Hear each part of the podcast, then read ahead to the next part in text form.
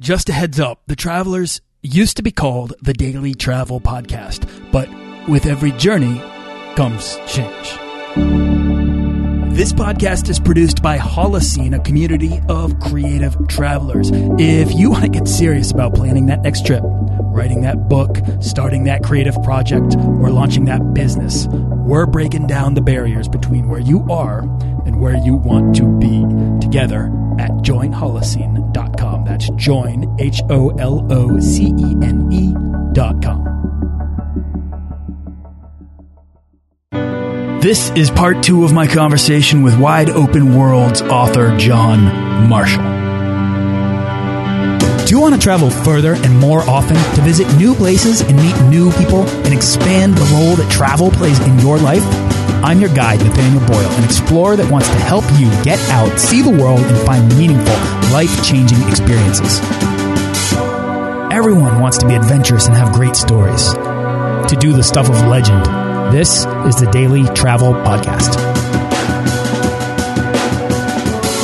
In yesterday's session, John Marshall shared how travel began to heal his relationships with his family, reconnect him with his children, and the world itself. If you've ever wondered about finding that one thing in life that sets you on fire, John is a wonderful example of someone who's let travel inform him of what that is and what truly matters to him and perhaps to you in life. Uh, have a listen to part one if you haven't already, or sit back and enjoy part two of my conversation with John Marshall, the author of Wide Open World.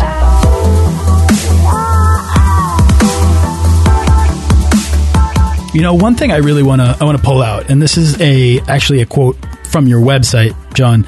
Um, and it's an interesting quote relative to our conversation. And it's, uh, it says, when I was young, I wanted to be an oceanographer like Jacques Cousteau, a cartoonist like Paul Zepp, a filmmaker like Steven Spielberg, a singer like James Taylor, and a basketball player like John Havlicek. Still do, right? And that to me, like that stood out to me. I don't know. I, it, it seems like almost a random quote to include, but you, but you put it right there on your, like as a featured quote on your website it stands out to me in the context of this conversation because I think that it's so um, mm, it's so hard to like make a decision down the right path. And you got this lesson early on when you were in high school from that teacher who said, "Really do one thing, right? Like focus on that one thing, choose that one thing."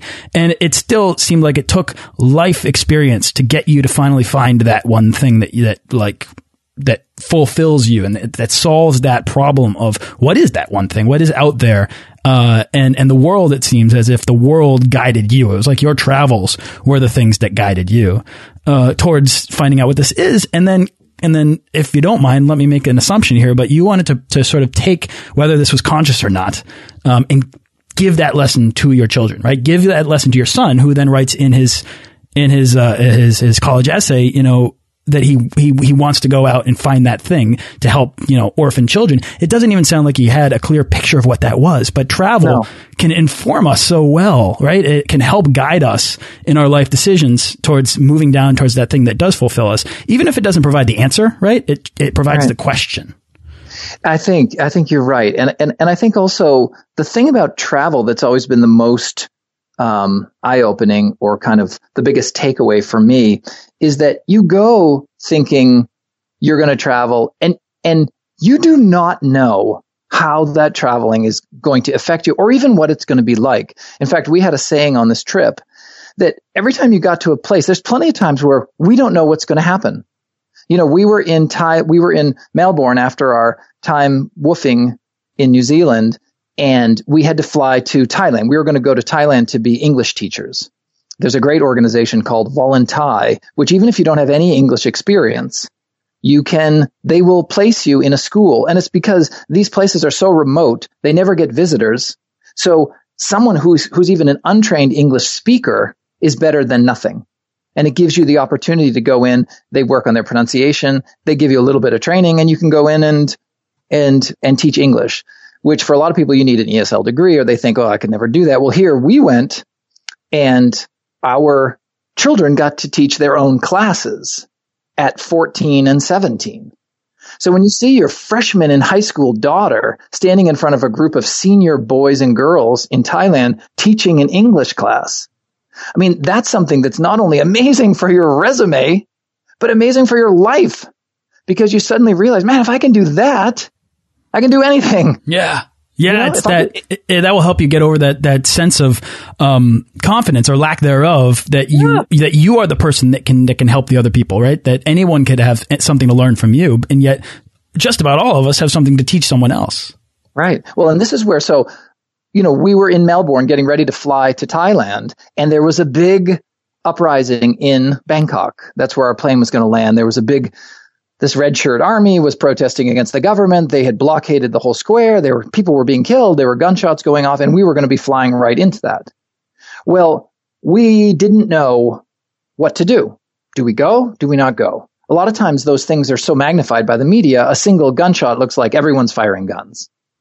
But we didn't know. Right. We didn't know what to do. And we didn't want to do something crazy. We wanted to be smart. We certainly want to protect all of us and the family. And it was a, it was a struggle, but we had to ultimately had to make a choice and we decided to go. And our mantra was always something will happen. And I still keep that in my life because I'll get to places where whether it's calling into you or it's, you know, going for some new opportunity or new job or meeting something. I don't know exactly what's going to happen, but what I do know from travel is something happens. And that's not particularly profound, but it got us to you move forward in life. And on a, the trip, the beauty of it was you don't know what that something is. Oftentimes in your regular life, you do know what that something is most of the time. It's a it's a worn path. It's like a it's like a rut, you know, that you follow. But on the road, you don't know. But at the the, the days always end, and they and in our case, I mean, thankfully, they ended in um, in good ways, in ways that we can look back on and say, "Wow, that was amazing," or "That was difficult, but in you know taught us something," or you know, we always had. Uh, Something where we came out of it better than maybe when we went in. So uh, we're lucky for that. Yeah, well, I think that, you know, to not know what's going to happen, I mean, that's the mindset of an explorer is to be comfortable with the unknown, to what, it, to, to allow whatever is about to happen to happen and then adjust, right? And I think that, I mean, sometimes I'll touch down in a city, I'll, have no plans and I'll, and I'll have to figure my way out. I might have a bed planned and that's it, right? And then everything else, um, no way to communicate, no way to, uh, I don't, I don't even have a map. Like in general, I, I have a pretty good sense of direction, so I can kind of trust that. But I think that's from experience. Um, I think that's from put, from becoming comfortable with not having the plan to be unplanned. I think that's, it's terrifying to a lot of people. But I think the more you travel, the more comfortable you become with that and the more that becomes actually fun. Yeah. Well, and, and, and, you know, I also think that people have preconceived notions that you can see danger out in the world if you choose to see it. You know, you see a couple of terrible stories on the news and you think everyone's being kidnapped in the world. I mean, I thought it was interesting. Um, I was living in India uh, for most of this past year, um, and there was a man-eating tiger who was eating people um, in India. Well, India is a gigantic country. I'm waiting for the specifics here. Right. I mean, and this was like, you know, hundreds of miles from where I was. Yep. I mean, like, uh, so, but I did get a call from my mom urging me to watch out for the tigers. Of course. You know, They're be like everywhere. saying, yeah, uh, someone was shot in Austin, Texas. You're in Boston. Just like, be careful. Right. you know, because there's a madman on the loose. And um, but I think that oftentimes you you think um, you can focus on danger and say, oh, it's safer to stay here. Stay. Of course, it's safer to be in my home because I'm not out there with Ebola and with you know the the, the terrible dangers that exist all over the world. And what you, what we found again and again is when we would project a fear, say in Thailand. So we're f- projecting this massive fear out there in the world that when we land in Bangkok, there's a riot. Like we could be swept up in it. And they, I mean, people were writing to us at the time who knew of our story and saying, you will be kidnapped. They will see you as a, a potential hostage. I mean, all this incredible fear mm-hmm. being generated. Mm-hmm. Well, when we got there, there wasn't a single, we, no, we didn't notice a single instance of anything that even potentially resembled danger. And in fact, when we got to the village where we were living, which was eight hours outside of Bangkok, um, the first day at school, our children were just so lavishly adored. I mean, people would sign up for autographs. The kids all wanted autographs from our kids. They wanted to pose for, you know, a picture. Some some kids had little snap phones, and um, and I just really thought, you know, like there's no danger of of being um, attacked by the mob. But if you can be killed with kindness and adoration, like our kids are in trouble because these the kids were just like it was total opposite of what the fear we had built up in our mind. The reality of it was totally, totally different. Did you and, ever, uh, as a father, did you ever sort of find yourself playing that role of of being maybe overprotective or being a little bit more fearful? Um, you know, not really. What I really wanted for our kids was for them to be be be touched, be inspired by the world. So we definitely made all the choices we made to keep us safe. I mean, the last thing we wanted was for someone to get pulled into a tree by a tiger. You know, like we didn't want this. We, we we didn't want the end of this story to be tragedy. You know, we wanted it to be a triumphant story. And so, but but we also wanted the kids. We wanted to push them.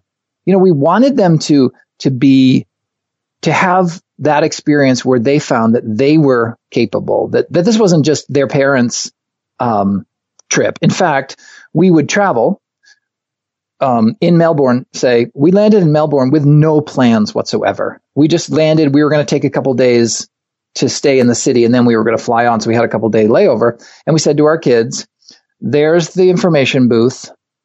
Um, go find us a hotel and find the cheapest way to get there and set it up.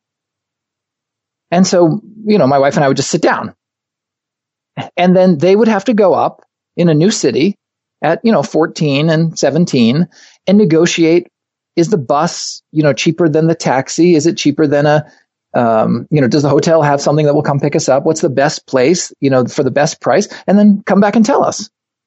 And we'd say, okay, let's go. But that opportunity to do that at a young age is great because, uh, you know, you're going to take your gap year. You're going to finally find yourself out there in the world and you'll say like, oh my gosh. So my parents used to handle all this stuff and to be able to say like, no, you go do it, you know, go off and do it um, I thought that that's really part of a big piece of what the trip was for us was to give them that chance to be citizens of the world, not be just tourists following right. in our wake. And to seemingly force them into almost an uncomfortable situation that they have to navigate, that they have to negotiate, and that on the other side of, they come out a better person, or at least a better version of the person that they were when they left. Um, that part of them that does, that is not exercised back home day to day, right, is all of a sudden the thing that uh, it becomes they they have to operate with it, right? It has to it has to become the thing that plays that gets all of you through. I think that's really that's really important. I know uh, when I was in France once, and this was on a um, school trip. It was like a high school student. I was in Paris, and our teacher walked us seven blocks um, into the city. No, it was like 13 blocks. It was, it was far enough to get lost, turning, going, you know, uh, two or three arrondissements away from wherever we started and then said, okay, he said, uh, okay, I'm done. You guys find your own way home back to the hotel. And you know, we were 15 years old and, and, we had never been in a foreign country, some of us, and, um, and we barely spoke the language, you know, we are struggling with French, so we had to figure it out.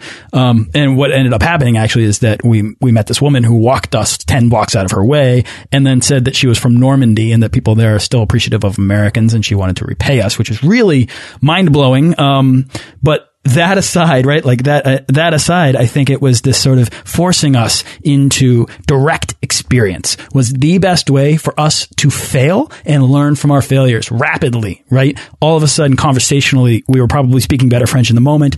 Uh, uh, we, we, we, we had to get home and we did, and it all worked out. And we had this life changing, um, interaction with somebody there and I always say on this show that the best stories come from the people we meet and the ways in which we help each other find our way. And John, I think that's at the heart of uh, of Wide Open World, your book. And um, tell me, go through uh, the the rest of the trip. Where else did you guys go as a family unit? Yeah, the next place after Thailand, we went to India and we ended up at an orphanage called the Good Shepherd Agricultural Mission. Uh, this is one of the oldest orphanages in India. It actually was founded the year after Indian India got its independence um, by American guy. It's now run by a, a Australian family, and um, this was the most transformative place uh, for me, and I think maybe for all of us, you know, because so here's these orphan children, and these kids were so full. You'd expect them to be just full of misery. You know, these kids have been abandoned, nobody loves, no, you know, they they don't have their parents. Mm, yeah. um, they're so full of joy. I don't know what is in the water in Banbasa, India, but these kids are just filled with joy and filling, you know, here people would say to me, Oh, so kind of you to give your time to these orphans, these orphan kids. And what they don't know is it's almost selfish because these kids do nothing all day but pour love into me as if I'm the one who's empty. And, and so when my children got to spend time with these kids, so the beauty of it was they had kids at the, at the farm, they call it at the farm.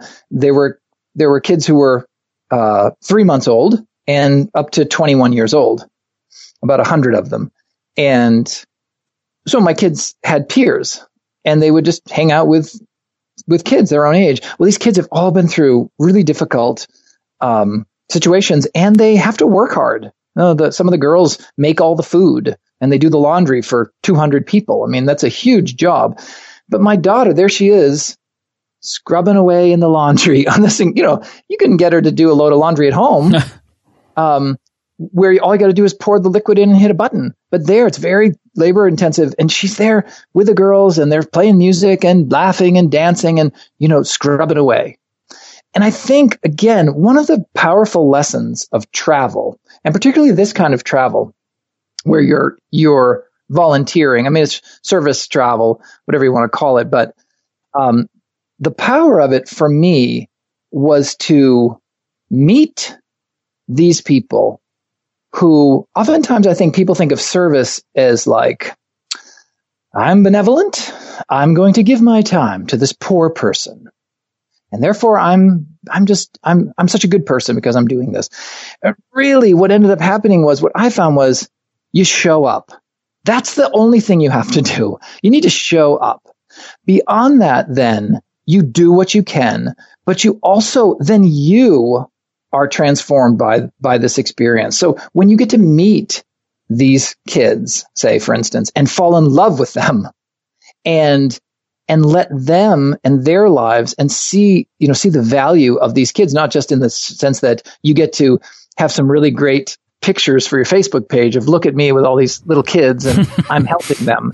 You know, really, right. really, I think it's, it's that you let them you let them work on you and you form those connections that then alter your entire life. And you can also then, you know, hopefully can then translate to the point where you can actually do something to affect change. You know, I don't think we can make the kind of change that's needed in the world unless we meet each other. You know, we have to, you can't fall in love with someone until you meet them.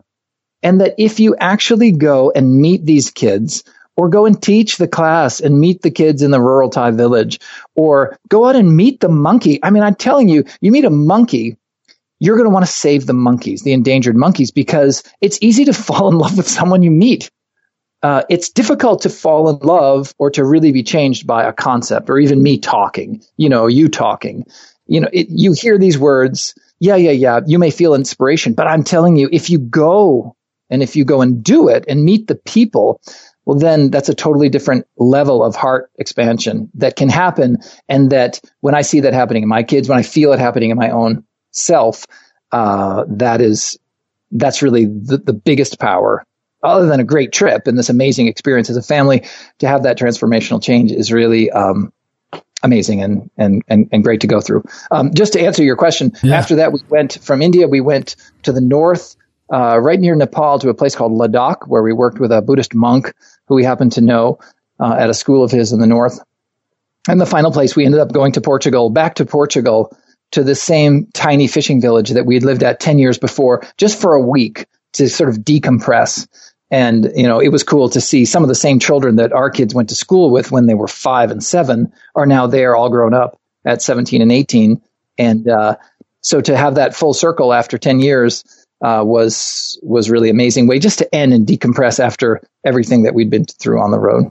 You know, I really love what you're saying about falling in love with the thing that you find out there, right? Like that thing, that person, those people, those orphans, that experience, that trip, uh, yourself, what you know, whatever it is. I think it's. I think you you can zoom out, right? Like widen the aperture. It's hard, I think, to fall in love with the entire world, uh, right? Unless you go out there and you meet it and you expose yourself to it and you you you immerse yourself in its beauty. And I think that, that when you do that, you really do begin to understand not only your position, but how amazing everything is, how safe everything is. Um, and and and uh, I think that, that's such an inspiring message. Um, I, I, I love that. And, and I think for me, it's like, I know that that happened when I traveled and, and, and I got to know people, uh, like peoples that I, I maybe was intimidated by and then came away with, with an extreme warm feeling for. And, uh, I know now doing this show, right? Like talking to people like you, talking to people who listen to the show, who reach out to me, meeting people at conferences. I have, I know uh, fallen in love with this this this audience of people who who are out there making an effort to explore both the world and the limits of their own creativity. Um, because I think that these things, curiosity and creativity, are very related, and somewhere in there, when you put them together, is transformation. Um, and I think that's evident from your book, from your experience, from what you're doing today. Now, John, tell me about um, Wide Open World. When did the idea for the book come come along? Well, when when I got home, I thought. Um, I'm a I'm a writer. I've worked as a um, I've worked as a screenwriter, but also as a I've tried to write some bad novels in my in my past. Um, yes, but yes, there's a bunch of us out there. We should form a support group. Um, but I thought that there was a story here for other families, and this was really one thing I wanted other people to know is that this was not a book before we took a trip. Um, I didn't have a book deal to go mm-hmm. out and travel, and it was paid for. Mm. Um, we we didn't have the money to take this trip, so we took a home equity loan out, and oh, wow. and paid for it that way. Yep. Um, we didn't have any special connections or privileges or anything associated with this. What we had, and this is the most important thing to taking a trip like this, we had decided to go we made the decision that we are going on this trip. And once you decide to do something, then I really believe that the rest of it is just figuring out the details. And that doesn't mean that I think a lot of people say, Oh, I'd love to do a trip like that. Oh, someday, wouldn't it be great to take a trip like that? That's not the same thing. The desire to take a trip or the dream of taking a trip is not the same thing as a decision to take a trip. Once you decide to go, though, then I think it becomes, for us, it almost felt like a foregone conclusion. Like once we decided to go, we were going. Now it didn't actually, we had this um, back when I first had the year of service revelation. Um, we didn't actually take a year because we couldn't pull it all together in time. Um, it ended up, uh, the trip was six months long. Um, but six months was still a really nice long time. But I do think that I wanted people when they read this to think they could do this too.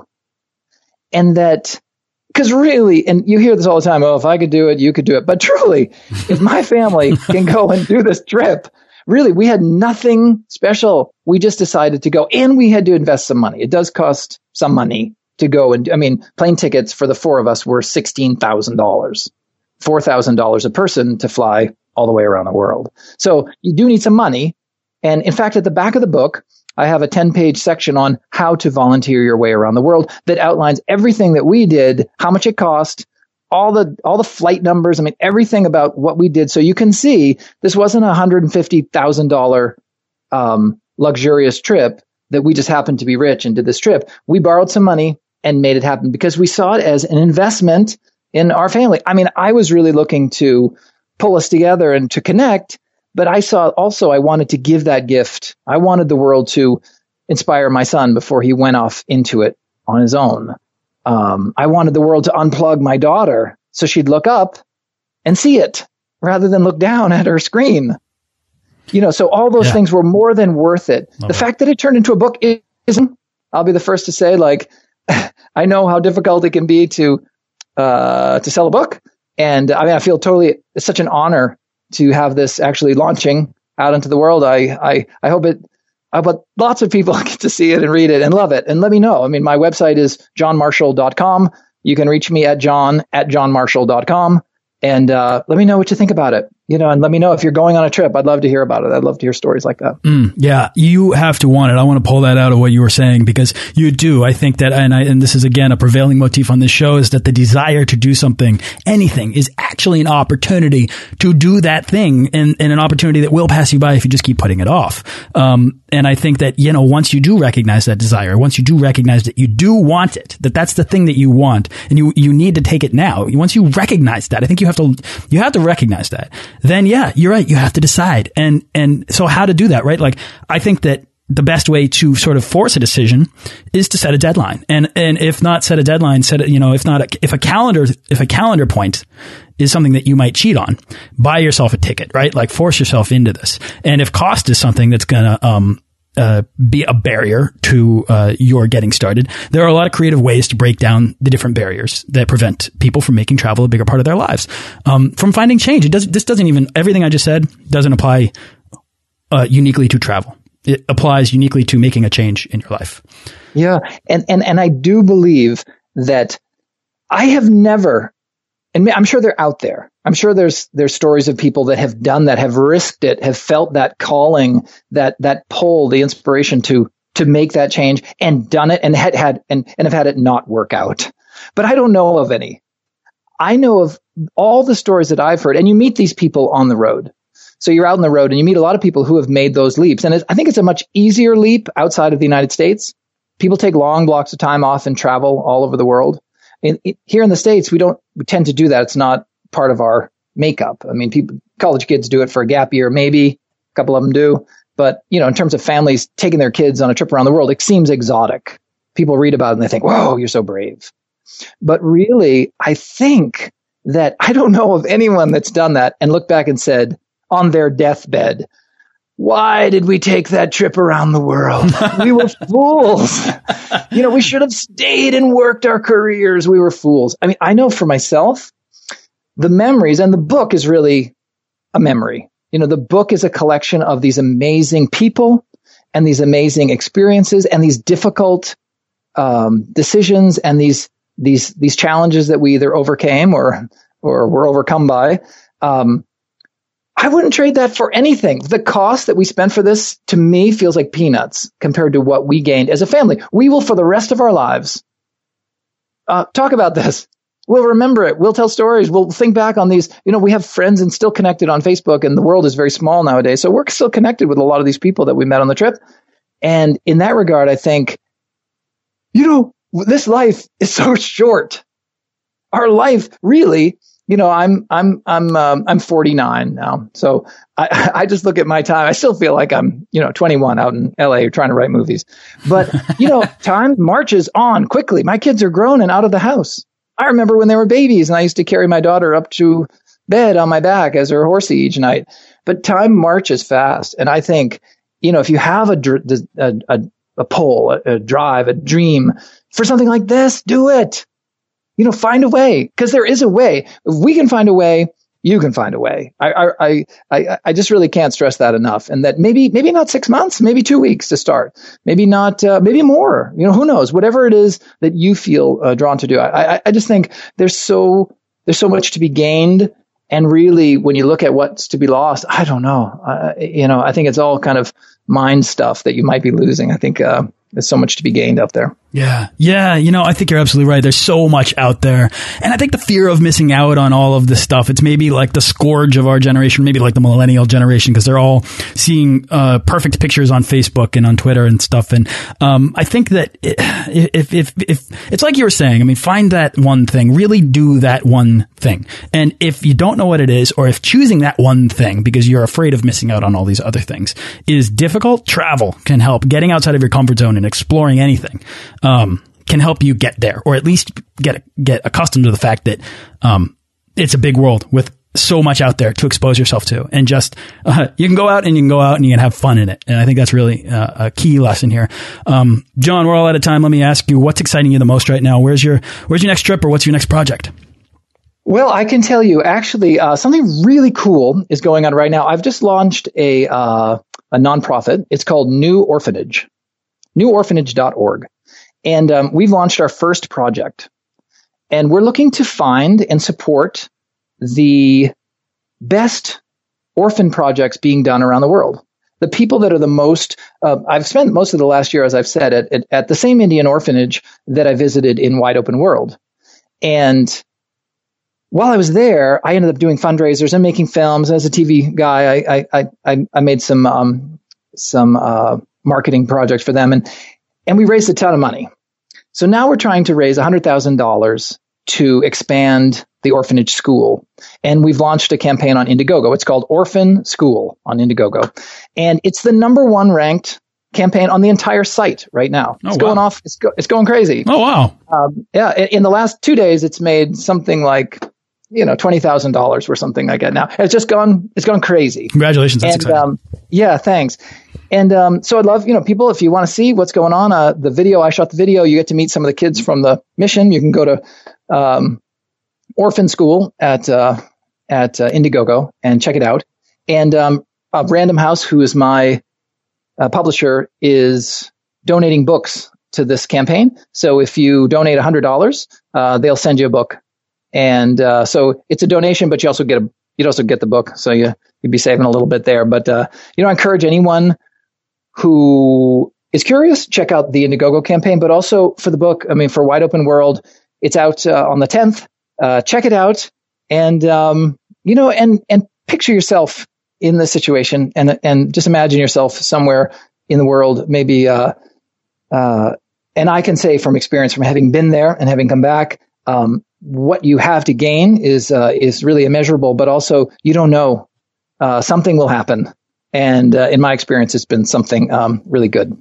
Love that. All right. So that's neworphanage.org if you want to check that out. You can look up the Orphan School uh, over at Indiegogo.com. Um, JohnMarshall.com is where everyone can learn about you, John. And then I want to just point out, you said the book is out on the 10th. That's February 10th, which is the past. The book is out now. Uh, yes. So go check it out. Uh, and that's exciting for John. The book is Wide Open World. Everything we just talked about is chronicled in this book. It's a really uh, uh, warm piece of writing. Uh, and John, you have a good sensitivity for. I mean, you, you really travel with a sort of open mind and an open heart, and I think that those, that that's the approach that people can take to find the stories that will resonate with them and that they can share with other people for the rest of their lives.